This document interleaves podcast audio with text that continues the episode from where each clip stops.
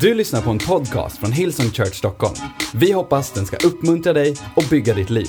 För att få mer information om Hillsong och allt som händer i kyrkan, gå in på www.hillsong.se.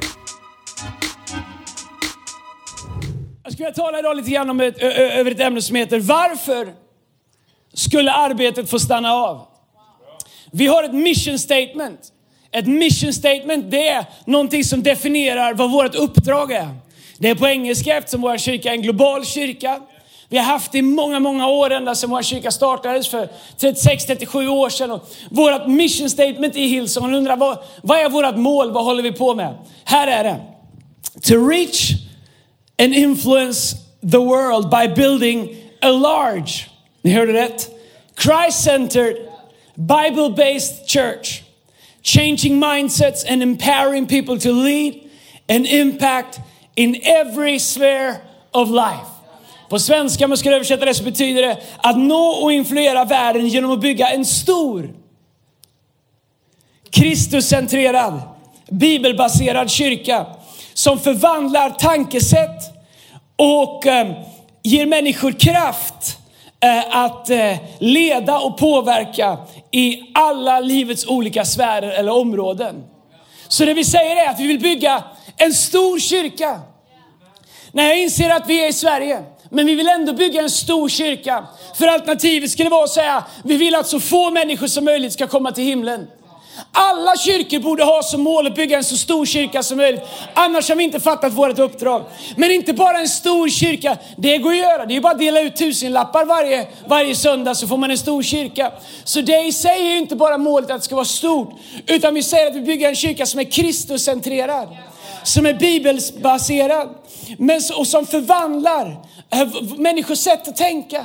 Människors sätt att tänka om sig själva. Människors sätt att tänka om Gud. Människors sätt att tänka om omgivningen. Förvandlade människor som kan förvandla andra människor. Men vi är också en kyrka som vill, vara, som vill empower, som vill förlösa och ge människor kraft till att vara ledare. Vet du vad jag tror att Gud vill att du ska vara en ledare? Nu säger Andreas, men jag är ingen ledarpersonlighet. Men det har inget med personlighet att göra. Har ingenting med att göra om du är introvert eller extrovert. Bibeln säger att vi är kallade till att gå ut och göra människor till lärjungar. Det gör oss till ledare. Människor vill att du ska leda på ditt jobb genom hur du behandlar andra människor. Sätta tonen för eh, människovärde på ditt jobb. Människor vill att vi ska leda i våra familjer. Gud vill att vi ska leda i våra familjer. Vi är ledare. Om vi abdikerar från vårt ledaruppdrag så lämnar vi över ansvaret till allting runt omkring oss. Om vi abdikerar från ledaransvaret för våra barn så överlämnar vi till deras kompisar och formar deras sätt att tänka.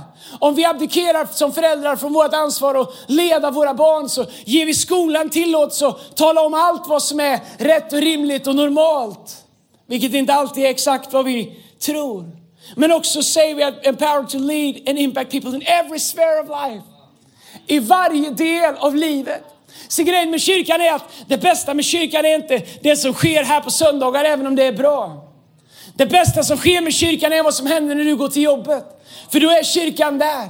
Vi, kyrkan är inte byggnaden som vi går till här i, i norra, i vår egen byggnad, tack Jesus. Eller i Göteborg där vi också har en egen byggnad. Eller i Jönköping där vi är på KFUM. Det är inte det som är kyrkan. Kyrkan är du. Du är kyrkan, säger Paulus i Efesierbrevet kapitel 1. Talar om att vi är Kristi kropp. Paulus talar om att vi alla är lemmar. Ingen kan säga att du, du hör inte till eller du hör inte till eller jag behöver inte dig. Utan kyrkan är vi.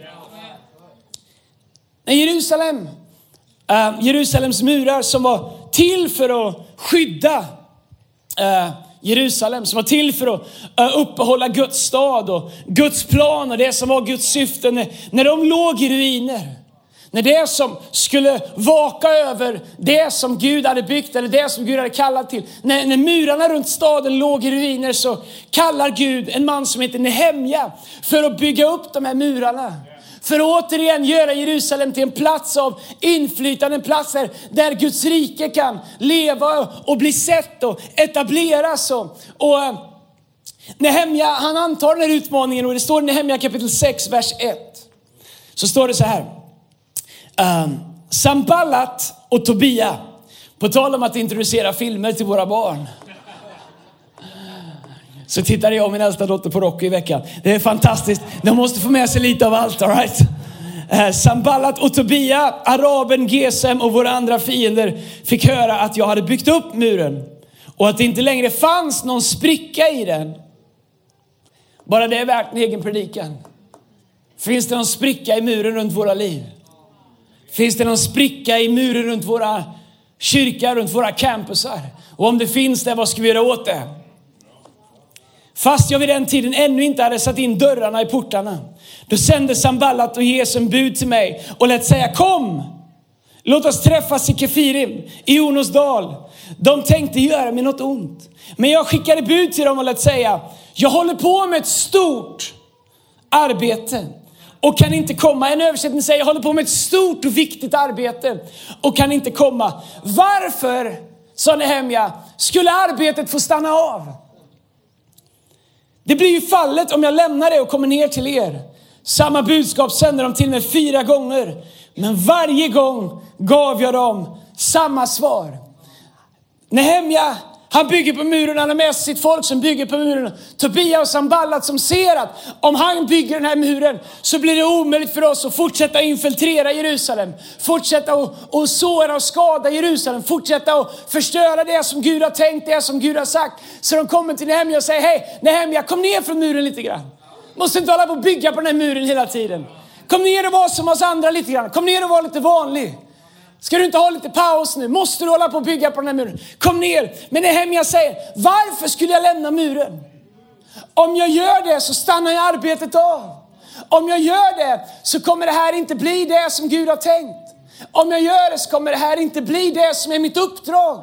Så varför skulle arbetet få stanna av? Har du någon gång känt att du aldrig får jobba i fred? Har du provat att renovera hemma någon gång? Med barn i huset? När de kommer på den briljanta idén att de ska hjälpa till. Att de ska måla sina egna rum. Och man ser bilder på Instagram med filter, hur det ser så fint ut. Alla som har låtit barnen vara med hemma vet att det är kaos. Och när de har gått och lagt sig så får man göra om det utan att säga det till dem. Du tänker vilken hemsk förälder du är. Nej, jag vill bara ha lite snyggt på väggarna, okej? Okay? Du vet, så här, det är hopplöst. Man tänker, det kommer bli roligt. Vi kommer ha kul. Det kommer gå bra. Vi hjälps åt, det är roligt. Det blir kaos. Det är färg överallt. Alla vet att när man målar, det lärde de mig på Andreas måleri en gång när jag såg dem måla. De, man vet att när man rollar väggarna så avslutar man med att dra rollen åt samma håll så att fibrerna lägger sig rätt. Men inte bara, de kör fram och tillbaka åt alla håll, över, överallt som man inte har tejpat över. Det är kaos att jobba ihop med andra människor ibland. Ja, har du sett arga snickaren? Han är inte klok. Han har liksom som tes att driva att man ska renovera tillsammans som par för att komma närmare varandra. Att man ska snickra tillsammans. Nej, men det är fruktansvärt. Om jag och Lina någonsin skulle få äktenskapsproblem så skulle vi renovera tillsammans. Det går inte. Och då säger han, det är inte viktigt att det blir bra, säger han. Bara att ni kommer nära varandra. Men då kan man väl paddla kanot eller något annat. Då måste man ju inte snickra, då måste man inte göra sådana där det faktiskt blir ett resultat. Det är lika frustrerande som, som Bea Liljeroth blir när Erik vill hjälpa till hemma. Hopplöst. Allt som sker är att arbetet stannar av. I vers 15 så säger Nehemja så här. Muren blev färdig på 25 dagen i månaden Elul efter 52 dagar. När alla våra fiender hörde det och alla folken runt omkring oss såg det kände de sig helt vanmäktiga. Och de förstod att det här var Guds verk. Så människorna som hade försökt få Nehemja att komma ner från muren, få honom att bara lugna sig lite, inte vara så på, inte hålla på jobba på muren hela tiden. När Nehemja hade byggt klart muren så förstod alla människor, det här var Guds verk. Ibland undrar jag varför det krävs till att det är gjort för att så många ska förstå att det här var Guds verk. Eller att det här var vad Gud har kallat oss till. Tänk om det skulle vara så i våra liv att vi är de som ser och förstår och agerar som att vi vet att det här är vad Gud har kallat oss till innan det börjar bli klart innan det är färdigt. Utan vi säger, vet du vad? Jag vill vara med och göra det när det inte ser ut som någonting. Jag vill vara med och göra det innan jag ser ens vad det är. Eftersom Gud har kallat oss till det. Du vet att Nehemja han säger, jag skriver ner några reflektioner eh, på den här verserna som jag funderar på. Det är en sak som, som han säger det, Nehemja om du vill ha en punkt, punkt ett. Han säger, varför skulle arbetet få stanna av? Kan jag få fråga dig en fråga? Vad skulle du säga att du gör i din vardag?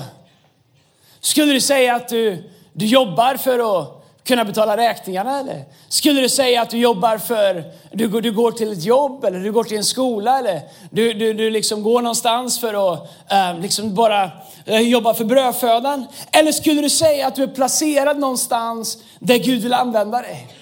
Vad har, du för, vad har du för bild av vad du ska ställa klockan och gå upp till imorgon bitti? Det finns en skillnaden på det är om du har ett mission statement för ditt liv eller inte. Du kan gå till samma jobb och bara säga, jag flyttar bara pallar. Eller du kan gå till samma jobb och säga, jag är sänd hit utav Gud. I Kolosserbrevet kapitel 3, vers 23 så står det så här, vad ni än gör, gör det av hjärtat, så som ni tjänar Herren och inte människor. Men du säger, vadå, jag, jag har ju en chef, jag jobbar på ett företag, jag får lön utav, en, utav, en, utav, utav ett företag. Well, det kanske är var din, var din lön kommer ifrån. Men när du ger ditt liv till Gud så får ditt liv ett helt annat syfte helt plötsligt. Även om du står och målar fönster, eller om du håller på med datorer, eller om du sitter med Excel-ark så säger Bibeln, vad du än gör, gör det som att du gjorde det för Gud. Det betyder att när vi gör det så, så, så kan vi välja med vilken attityd vi gör det. Vi kan välja vad, vad vi har för kas, vad vi har för syfte när vi gör det. Vi kan ställa våran klocka och veta att jag är kallad till att bygga på muren, var muren än är, för att Guds rike ska etableras, för att människor ska se Gud. Varför håller vi på med allt som vi håller på med? Varför ska vi åka på turné? Varför kan vi inte bara vara hemma och, och, och klä ut oss till påskkärringar? Well, det kan jag säga direkt varför vi inte kan göra. Men varför gör vi allt det här? Varför, varför ska du komma på fredag kväll till Klara? Varför ska massa volontärer åka till Jönköping? Varför hyr vi konserthusen? Varför gör vi samma sak i Göteborg på, på långfredagen förmiddag? Varför ska vi göra det Klara på kvällen? Varför ska vi göra ett specialmöte på söndag kväll? Det enda anledningen att vi gör det är att vi har ett mission statement för våra liv. Vi har ju ett kaos med våra liv. Så varför går vi till jobbet den här veckan? Därför att vi har ett kaos på söndag kväll som vi vill att människor ska komma till. Så vi kan välja om våra liv har ett uppdrag att vi bygger på en mur som Gud har kallat oss till. Där vi säger, varför skulle mitt arbete stanna av? Eller om vi bara står och staplar tegelstenar på en mur. Jag kan fråga två människor som gör samma sak. Få två olika svar som bygger på en mur. Du frågar någon, vad gör du? Nej, jag bara staplar stenar. En annan frågar en annan, vad gör du? Jag bygger en mäktig mur som ska skydda oss från fienden. Vad har du för kas i ditt liv? Därför att det här kaset, det här syftet, den här meningen som du har med ditt liv, det kommer definiera allt du gör. Men vet du vad som kommer definiera lika mycket? Frånvaron av ett syfte kommer också definiera därför att det kommer påverka hur du värderar det du gör, hur du värderar vad, vad, vad du inte gör. Vi måste förstå att när vi tar emot Gud i våra liv så blir vi inympade i Guds stora plan. Och det är ytterst sett bara där som vi kommer hitta meningen med livet. Och när vi gör det så får varje liten praktisk sak som vi gör på jobbet, i kyrkan, med vänner, allt får en mening. Allt är ett uppdrag helt plötsligt. De mest vardagliga enkla sakerna får ett purpose. Ni som är volontärer som ställde klockan tidigt kom hit idag. Varför gör ni det? Ja, de ringde och tjatade från det där fastighetsteamet. Eller de ringde från det där kidsteamet sa att nu, eller det där host-teamet. Well, om du känner så, så nummer ett, jag är glad att du kom ändå. Vi tar alla, vi behöver alla. Men jag skulle vilja säga, det du, det du har missat, det är att ha ett mission statement för ditt liv. Det du har missat att förstå det är att vi är här to reach and influence the world. Att vi är här för att en person kan gå in genom dörrarna idag. Som har fått besked den här veckan. Som är mer än de kan bära så de inte har delat med någon. Men din ögon, eller din kram, eller din vänlighet kan få dem att känna, jag tänkte inte gå till kyrkan för jag orkar inte, men när jag kom hit och fick det här mötet i foajén så kände jag att det var värt att komma hit. Skillnaden är om vi har ett syfte med vad vi gör. Har du tappat ditt syfte? Ditt syfte med varför du går till ditt arbetsplats. Ditt syfte om varför du går till en connect-grupp. Ditt syfte om varför du är med i team. Är det något du försöker, eller varför du läser Bibeln? Jag säger inte för att lägga skuld på någon, men allt det där vi gör när vi tappar vårt syfte, vet du det blir till slut som att dra ut tänder. Ja, jag ställer upp, ja, jag går med min chef är knäpp, ja, jag gör det. Men om du lägger syfte och mening till det.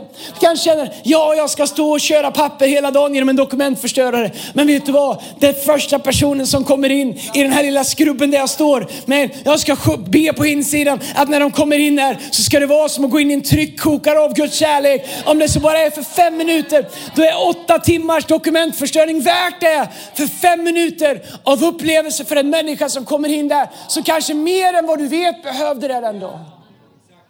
Vi lever våra liv utan syfte, om vi lever våra liv utan mening så blir allt bara jobb. Blir allt bara strävan. Då blir allt bara att ställa upp. Det du gör i din vardag, där Gud har satt dig, Gör det så att det syns som att du gör det för Gud. Därför att Gud vill connecta det du gör varje dag med det som du är en del av i kyrkan. Det som är grejen med Gud är att han bygger inga liksom tårtbitsliv, han bygger hela liv. Där allt hänger ihop och allt har ett syfte, allt har en mening. Det är det som gör att Gud kan ge mening till en regnig onsdag i november som ingen tycker om. Jo, Tobias Gard tycker om regniga onsdagar, han älskar det. Men han är också den enda. Tyvärr så verkar Gud lyssna på hans böner väldigt mycket. Daniel, jag har inte tid att prata om det här, men Daniel, det är intressant. Jag ska undervisa om Daniel någon dag. Eh, när man läser om kung Daniel, eh, eh kung, inte kung Daniel, man läser om Daniel i, i, i, eh, i Daniels bok. I, I, kapitel 1 så ser man eh, Daniel, eh, det står om honom att Gud har gett honom och Sadak, Mesak, Abednego kunskap och vishet långt över alla andra. Och, och, och kejsaren ser det. Okay? I, i kapitel 6, alltså bara eh, några kapitel längre fram, så hamnar han i lejongropen för han inte tillber Nebukadnessar. Men han kommer upp därifrån och Nebukadnessar eh, lyfter upp honom till en plats av inflytande över hela landet. Okay? Sex kapitel. När vi läser det som vi läser Bibeln, kapitel 1, så bläddrar vi kapitel 2, kapitel 3, kapitel 4. Vi tänker att det där händer ganska, det där händer ganska liksom tight. Okay? För det första är inte Bibeln skriven vare sig med kapitel eller vers, utan det har vi lagt till för att försöka få lite ordning i det. Men vet du, från kapitel 1 till kapitel 6 så är det 65 år. Bara de där få sidorna som är det, eh, är 65 år. Och under den här tiden från kapitel 1 med Daniel, när vi upptäcker Daniel och han för första gången liksom visar eh, att han är smord, att Gud har sin hand över honom, tills han får den plats som, som han till slut får efter lejongropen, så har han tjänat, jag vet inte om, eh, fyra eller fem kungar, eller fyra eller fem kejsare har han tjänat. Så han har under 65 år tjänat trofast. Vilket till slut ger honom en lejongrop, men till slut ger honom en plats av inflytande. I 65 år, medan kungar har kommit och gått, så har Daniel haft ett purpose, ett mission statement med sitt liv. Vilket har gjort att han har fortsatt i excellens och med mening och med mål och göra vardagliga saker som, som till slut förändrar människors liv dramatiskt. Vad skulle hända om vi uppgraderade det vi gör i vår vardag lite grann? Vad skulle hända om vi såg med lite mer mening på det här som är så vardagligt? Chefer kommer och går, mellanchefer kommer och går. Saker och ting förändras. Men, men, men, men vårt syfte och det Gud har kallat oss till är alltid detsamma. Till någonting som Gud vill använda oss till. Romarbrevet kapitel 12, vers 1 så står det så här i, i en översättning som heter The Message. So, here's what I want you to do. God helping you. Take your everyday, ordinary life You're sleeping, eating, going to work, and walking around life and place it before God as an offering. Embracing what God does for you is the best thing you can do for Him. Don't become so well adjusted to your culture that you fit, in, uh, fit into it without even thinking. Instead, fix your attention on God, and you'll be changed from the inside out. Readily recognize what He wants from you and quickly respond to it. Unlike the culture around you, always dragging you down to its level of immaturity, God brings the best out of you, develops well formed maturity in you. Så det Paulus skriver i sitt brev till romarna här i, i, i kapitel 12 är att han säger, ta ditt vanliga liv, ditt everyday ordinary life. Ditt sova, äta, gå till jobbet och liksom vandra omkring And place that before God. Och ge det till Gud, lägg det till Gud. Tänk vad Gud skulle kunna göra med våra liv. Om vi gav syfte och mening. Vi börjar varje dag med att säga Gud jag vet att jag är on assignment, att jag är sänd idag. Du har sänt mig till den här arbetsplatsen. Kanske ingen annan än du och Gud vet det, men du och Gud vet det. Och det ger syfte och mening. Så det första jag ser med den här texten, det är att vi måste fråga oss själva, varför skulle arbetet få stanna av? Varför skulle det som Gud har kallat mig till få stanna av? Vet du vad? Inte en dålig chef borde göra det. Inte ens en dålig connect borde göra det. Inte för att vi har några sådana. Men uh, Tobias, Tobias, inte Tobias, utan Tobia och Samballat gjorde allt de kunde för att få hem, jag bara kliva tillbaks. De kom gång på gång på gång och försökte. Vet, Fienden kommer alltid försöka få dig att bara kliva tillbaks lite grann. Och han kommer använda allt ifrån eh, liksom onda andemakter till kristna människor. Han kommer använda allt för att försöka trampa dig på tårna. Och ska det vara sådär då är jag inte med i teamet. Va? Vad hände? Såg du mänsklighet? Vilken skräll! Vill du ha Nobelpriset eller en kram? Vad vill du ha? Hej! Reality check. Gud använder bara människor. Människor är fulla med problem och vi jobbar på det allihopa och blir så lika Gud som möjligt. Men om man vill kliva ner från muren så kommer man ta vilken ursäkt som helst. Man kommer ta vilken anledning, man kommer hitta vem som helst och skylla det på, vilken situation som helst. Man bara känner, nej jag vill inte bygga så mycket längre. Men det vi gör är att vi börjar diskvalificera våra liv från det som Gud har kallat oss till. Det andra som jag ser med det här är att det stod att alla folken runt omkring såg det. Alla såg det. Både de som trodde på Gud och de som inte trodde på Gud. Vi sa i vårt mission statement, vision statement, mission statement, mission statement, att vår kallelse är att bygga en kyrka som är stor. När jag inser vart jag är, jag inser att jag är i Sverige och jag inser att jag är i norra delen av Stockholm. Och jag inser att jag är i en kultur där stor är det närmsta svärord vi kan komma. Inte minst ibland i kristna kretsar. Därför att en liten kyrka är ju så mycket bättre. En liten kyrka är ju så mycket varmare. Där är ju relationer så mycket mer på riktigt. Där alla känner varandra, där alla vet varandra. Inte bara vad som är bra, men allt skvallrar om varandra. Där vi känner varandra, där det är så mysigt, där det är så härligt, där alla är så varma. Där kärleken är så stark. Och min stora fråga är, om det är så bra, varför blir det inte, blir det inte stort? Alla vill väl vara med på ett sånt ställe? Och om det är många människor, hur kan det vara så ytligt? Hur kan det vara så, så grunt? Hur kan det vara? Det borde ju vara tvärtom. Om en restaurang serverar bra mat så går den ju inte i konkurs. Då får du ju inte stänga. Då går det inte från, nej men vi, vi har, så, vi har serverat så bra mat, alla vill ha den. Jag tror vi måste gå från 100 platser till 50 platser så att det verkligen blir bra. Nej, tvärtom. Men det viktigaste med att bygga en stor kyrka är inte bara att den blir stor. Utan det är för att vi har många människor att nå. Det är för att det är fler människor som kör förbi här i norra på E4 medan jag står här och pratar. Än vad det är människor på alla våra campusar samtidigt som vet att Gud finns. Och det ögonblicket som vi har problem att vi bygger en stor kyrka. Det är samma ögonblick som vi säger vi är okej okay med att några människor går förlorade. Vi är okej okay med att några hem fortsätter att leva i kaos, i ruiner. Vi är okej okay med att några utav barnen i Stockholm eller Göteborg eller Jönköping eller Örebro, att några utav barnen får somna i trasiga hem på lördag och fredagkvällar när festerna spårar Vi är okej okay med det, därför stor är inte viktigt. Litet och gemytligt är bra. Jag säger att det är, jag kan inte säga ens vad jag säger att det är. Jag säger att det är fel. Vi är kallade till att bygga någonting som inte bara så många människor får plats i, men som blir så stort så att alla människor kan se det. I, Johannes, i Matteus kapitel 5, i, i, i, där i bergspredikan så, så säger Jesus att vi är här för att vara salt och ljus. Han säger att vi är som en stad på berget. En stad som, som människor kan se, att människor kan hitta ljus i, som människor kan orientera sig mot. Vet ni att för några veckor sedan jag vet inte om jag berättat det här i norra. Så var det en man, om jag, som jag har fått historien berättad för mig, som kom körande på E4 här. Som kände att han skulle helt plötsligt svänga in här. Inte kristen, gå inte till kyrkan. Att han skulle svänga in här. Uh, vem som nu svänger in, det är inte så att det är någon magisk shopping här i Arlanda. Men det är på väg att bli bra. Circle K, de har bra varmkorv. Come on somebody. Men han känner att han ska svänga av. Och kommer in på mötet. Och uh, som jag förstår det, eh, tar emot, lyfter handen frälsningsinbjudan. Stämmer det? Okej. Okay. Få kontakt med någon i, i, i, här i kyrkan, i en av våra connect-grupper. Mannen är från Iran Och den söndagen så ska de i den Connect-gruppen, jag tror att det var Jörgen Lunds, fira iranskt nyår. Den söndagen. Så de bjuder in honom den söndagen och följa med, han är från Iran, och fira iranskt bröllop, äh, inte bröllop, äh, påsk, nyår. Något skulle de fira. Skulle fira att Leksand gick upp i SHL tror jag det var det de riktigt skulle fira. Jag försökte hålla mig men det gick inte.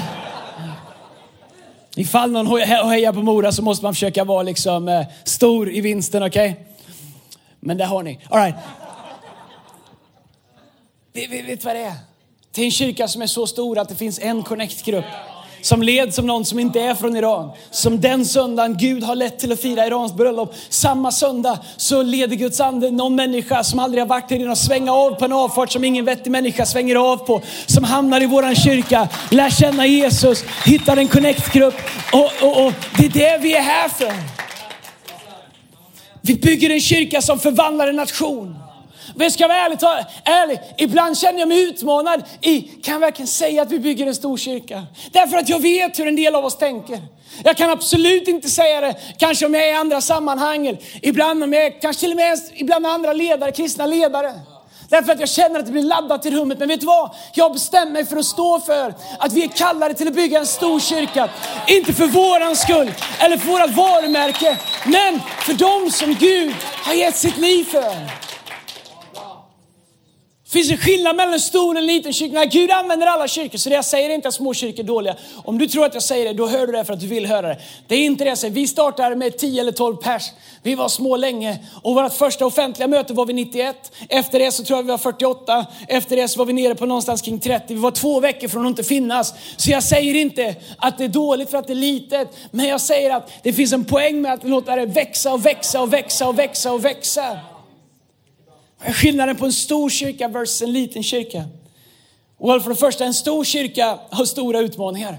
En liten kyrka har små utmaningar. Det kan vara värt att reflektera över. När vi var, var en liten kyrka och jag tyckte att vi hade stora utmaningar.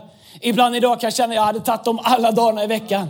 Med stor kyrka kommer stora utmaningar. Och varje gång vi växer som kyrka så tar vi ett kliv in på ett område vi aldrig har varit tidigare. Så vi måste lära oss och lära oss och lära oss och lära oss. Och det finns ingen kurs att gå. Det finns ingen manual att läsa. Det, finns, det är inte så att det, har, att det har varit massa kyrkor i Sverige de sista hundra åren som har vuxit till 5, 10, 15, 20 tusen människor. Så vet vad man måste göra varje ny steg vi tar. Oj, hur i hela världen hamnar vi här? Gud, du som var med oss hit, du måste vara med hit också. Och så måste vi lära oss, stor kyrka, stora utmaningar. Men lyssna, det positiva är att en stor kyrka går inte att marginalisera lika lätt. Vi klipper bort det här från podcasten, alla som redigerar det. Men när vi var en liten kyrka så var det mycket enklare för media att vara elakare mot oss. När vi är en stor kyrka så märker jag att media respekterar oss på ett helt annat sätt. Tar oss på större allvar. Men vet du vad? I Sverige så tror man att mellan 1 och 2 procent av alla människor går till kyrkan. Det gör att det är superenkelt att marginalisera kyrkan. Sätt in den i helgmålsbönen kvart över tre på natten när ingen ser den. Skicka ut dem i periferin. Jättegulligt om ni har en kyrka, helst bara om ni är ute långt någonstans i en källare utan fönster så ni inte stör. Men vet du vad? Det är därför som vi hyr Kina-teatern. Därför att vi tycker att kyrkan ska vara i centrum av kulturen, i centrum av städer, i centrum av det som sker. Därför att vi är här för empowering and changing mindsets in every sphere of life. En stor kyrka är vänligare än små kyrkor. Jag har sagt det innan, jag står för en stor kyrka är vänligare. Därför att hur udda du än är, hur speciell personlighet du än har, så är chansen mycket större i en stor kyrka att du hittar någon som är likadan, som du kan bli kompis med. Stora kyrkor är stabilare, får en stabilare grund att stå på. Stora kyrkor kan nå fler människor. En stor kyrka ger tro till nästa generation om vad de kan göra. När vi är klara, när, när vi är klara med stafettpinnen så ska ju nästa generation ta över. Och det som de får börja med är det som är deras normala. Så när de ska gå i tro så går de därifrån och framåt. Och det som blev våra tak kan vara deras golv där de fortsätter ifrån. En stor kyrka har mer resurser och kan göra mycket mer än vad en liten kyrka kan. Medan en liten kyrka har mycket mindre utmaningar, vilket är enklare. Men också mindre community, mindre människor frälsta, mindre volontärer, mindre resurser, mindre kreativitet, färre ledare. Men du förstår att ju större kyrkan blir, ju mindre måste den också bli. Därför säger vi att vi är ingen stor kyrka. Vi är en liten kyrka med mycket människor. Därför att vem du än är och vart du än är så är inte vårt mål och att det ska kännas som att du bara är en plupp i ett stort hav. Nej, vårt mål är att du ska ha en community där du kan leva ditt liv. En connect-grupp eller en grupp människor där kyrkan blir nära och på riktigt för dig. Du måste inte känna alla, du måste inte ens komma överens med alla för att älska alla. Men vår bön och vår ambition är att alla människor ska känna att för mig är kyrkan liten. För jag har människor som jag kan dela livet med på riktigt runt omkring mig. Men låt oss inte se till att den lilla cirkeln, att vi sätter den som gräns för hur stor kyrkan får bli. För så många människor får inte plats i våra cirklar. Men därför vi säger att vi bygger en liten kyrka med mycket människor i Jesu namn. Men vet du vad? Om det här är vad vi vill, då måste vi se till att det som är viktigt för oss är att inte byta ut våran pionjäranda mot någon sorts resortanda. Vår kyrka är byggd på en pionjäranda. Vår kyrka här, den här campusen i norra och Göteborg, i city och södra Örebro och Jönköping. Vi lever, våra DNA är pionjärt. Våra DNA är att kan vi göra det bättre så vågar vi ändra på saker. Tror vi att Gud kan göra någonting på ett sätt som han aldrig har kunnat göra tidigare, ja men då vågar vi prova nya saker. Därför att det vår kyrka aldrig kommer vara, det är en resort där vi kommer med liksom vårt all inclusive, all inclusive armband och säger, jag har betalt för buffén, duka åt mig. När vi tränger oss i kön bland ungar och tanter och farbröder som jag gör på resorter och säger, ge mig alla efterrätter, jag har ett armband. Går ut och slåss med tokiga tyskar sex på morgonen för att lägga ut en handduk och få en solstol.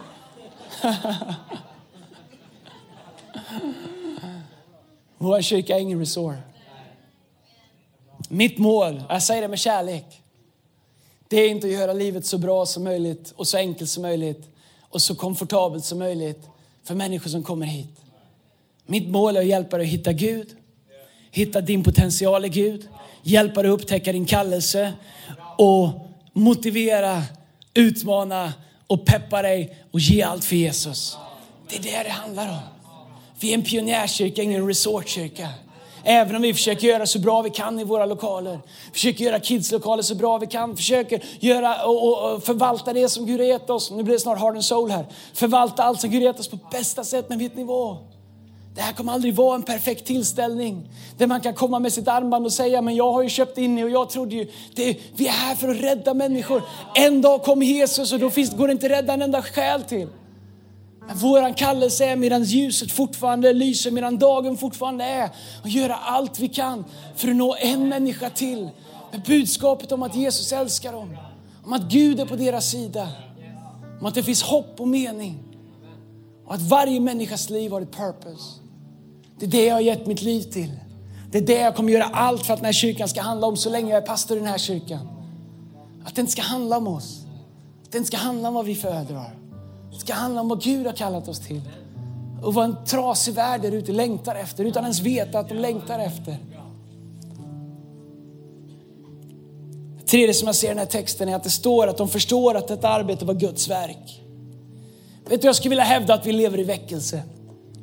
Jag har hört om det ända sedan jag föddes och inte helt säker på vad det är.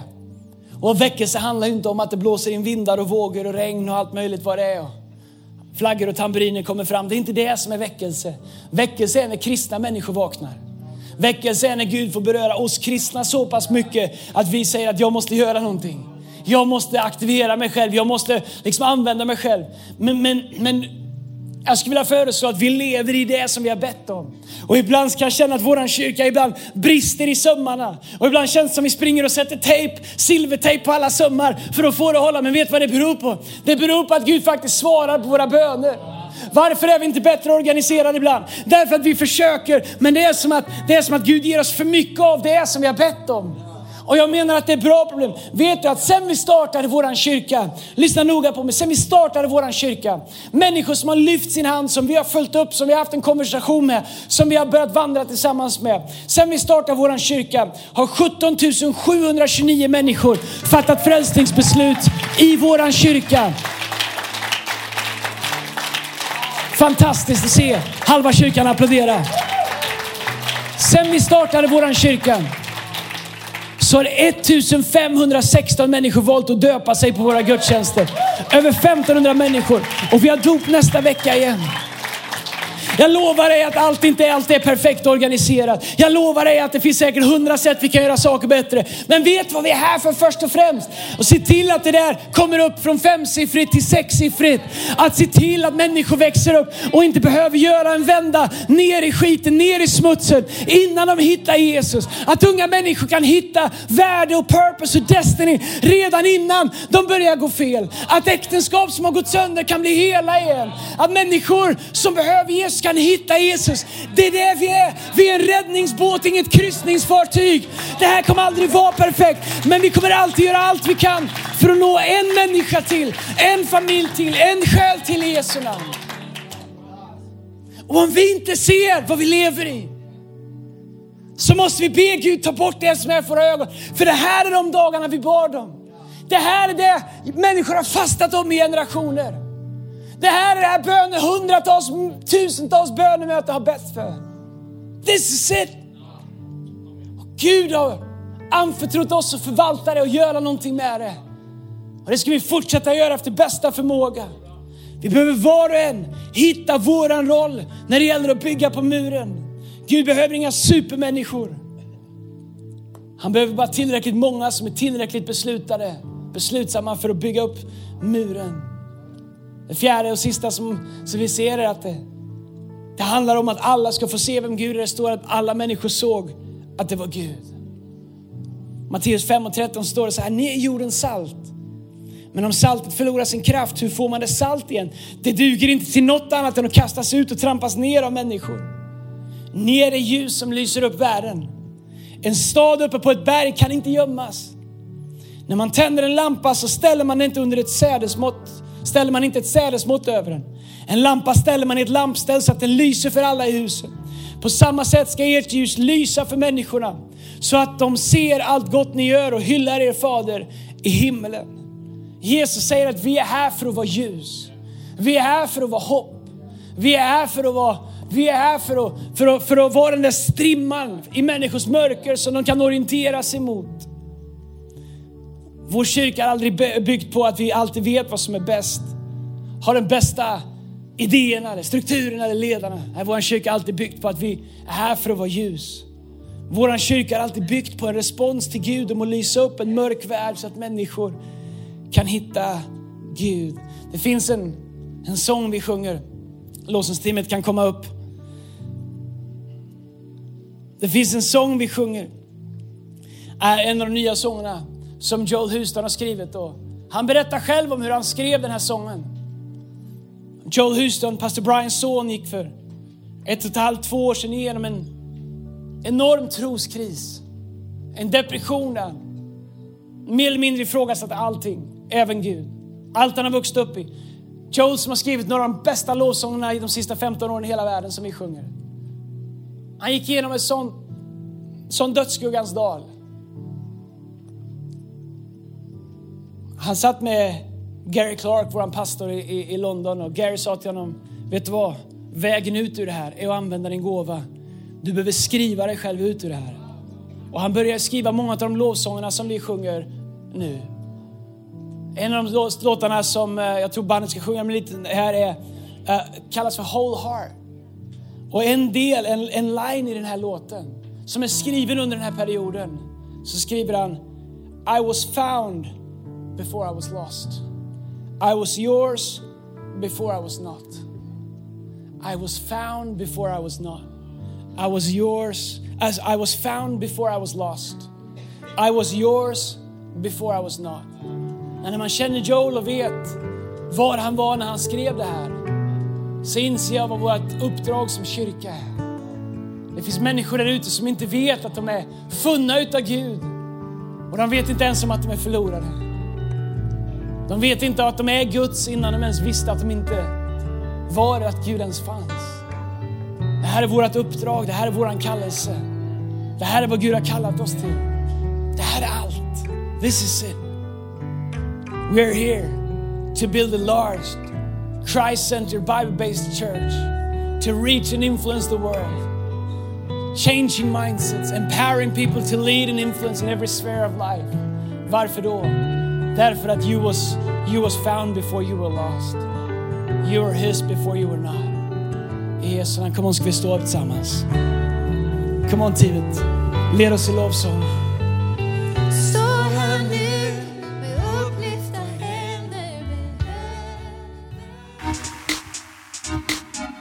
Du har lyssnat till en podcast från Hillsong Church Stockholm.